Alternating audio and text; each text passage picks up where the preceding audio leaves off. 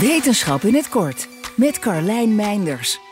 Kun je nou beter krachttraining doen of aan je conditie werken? Is lange stukken wandelen genoeg? Of is kort en heel intensief sporten beter? Hoe ver van tevoren moet je eigenlijk eten? Rek je wel of niet je spieren voor en na het sporten? Het is niet makkelijk om bij te houden hoe we nou precies het gezondst kunnen blijven. Of wanneer we de meeste spieren kweken of het meeste vet verliezen. Dat is niet alleen moeilijk omdat elk lichaam anders is, maar ook omdat er steeds weer nieuwe, gelukkig maar, onderzoeksresultaten verschijnen met weer andere tips.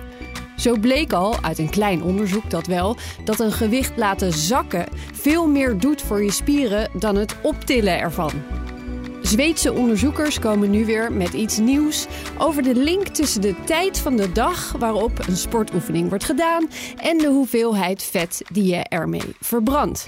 Of tenminste, ze kunnen hier nu iets over zeggen bij muizen.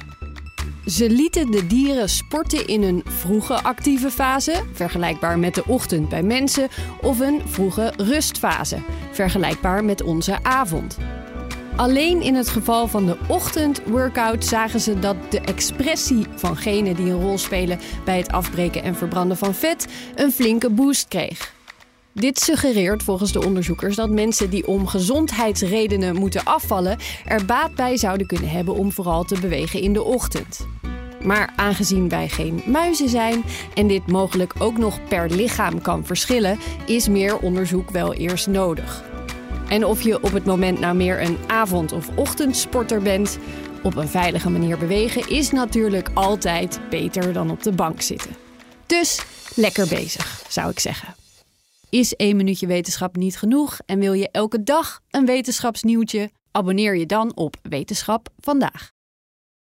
Ook Diana Matroos vind je in de BNR-app. Ja, inderdaad. Je kunt live naar mij luisteren tijdens de Big Five.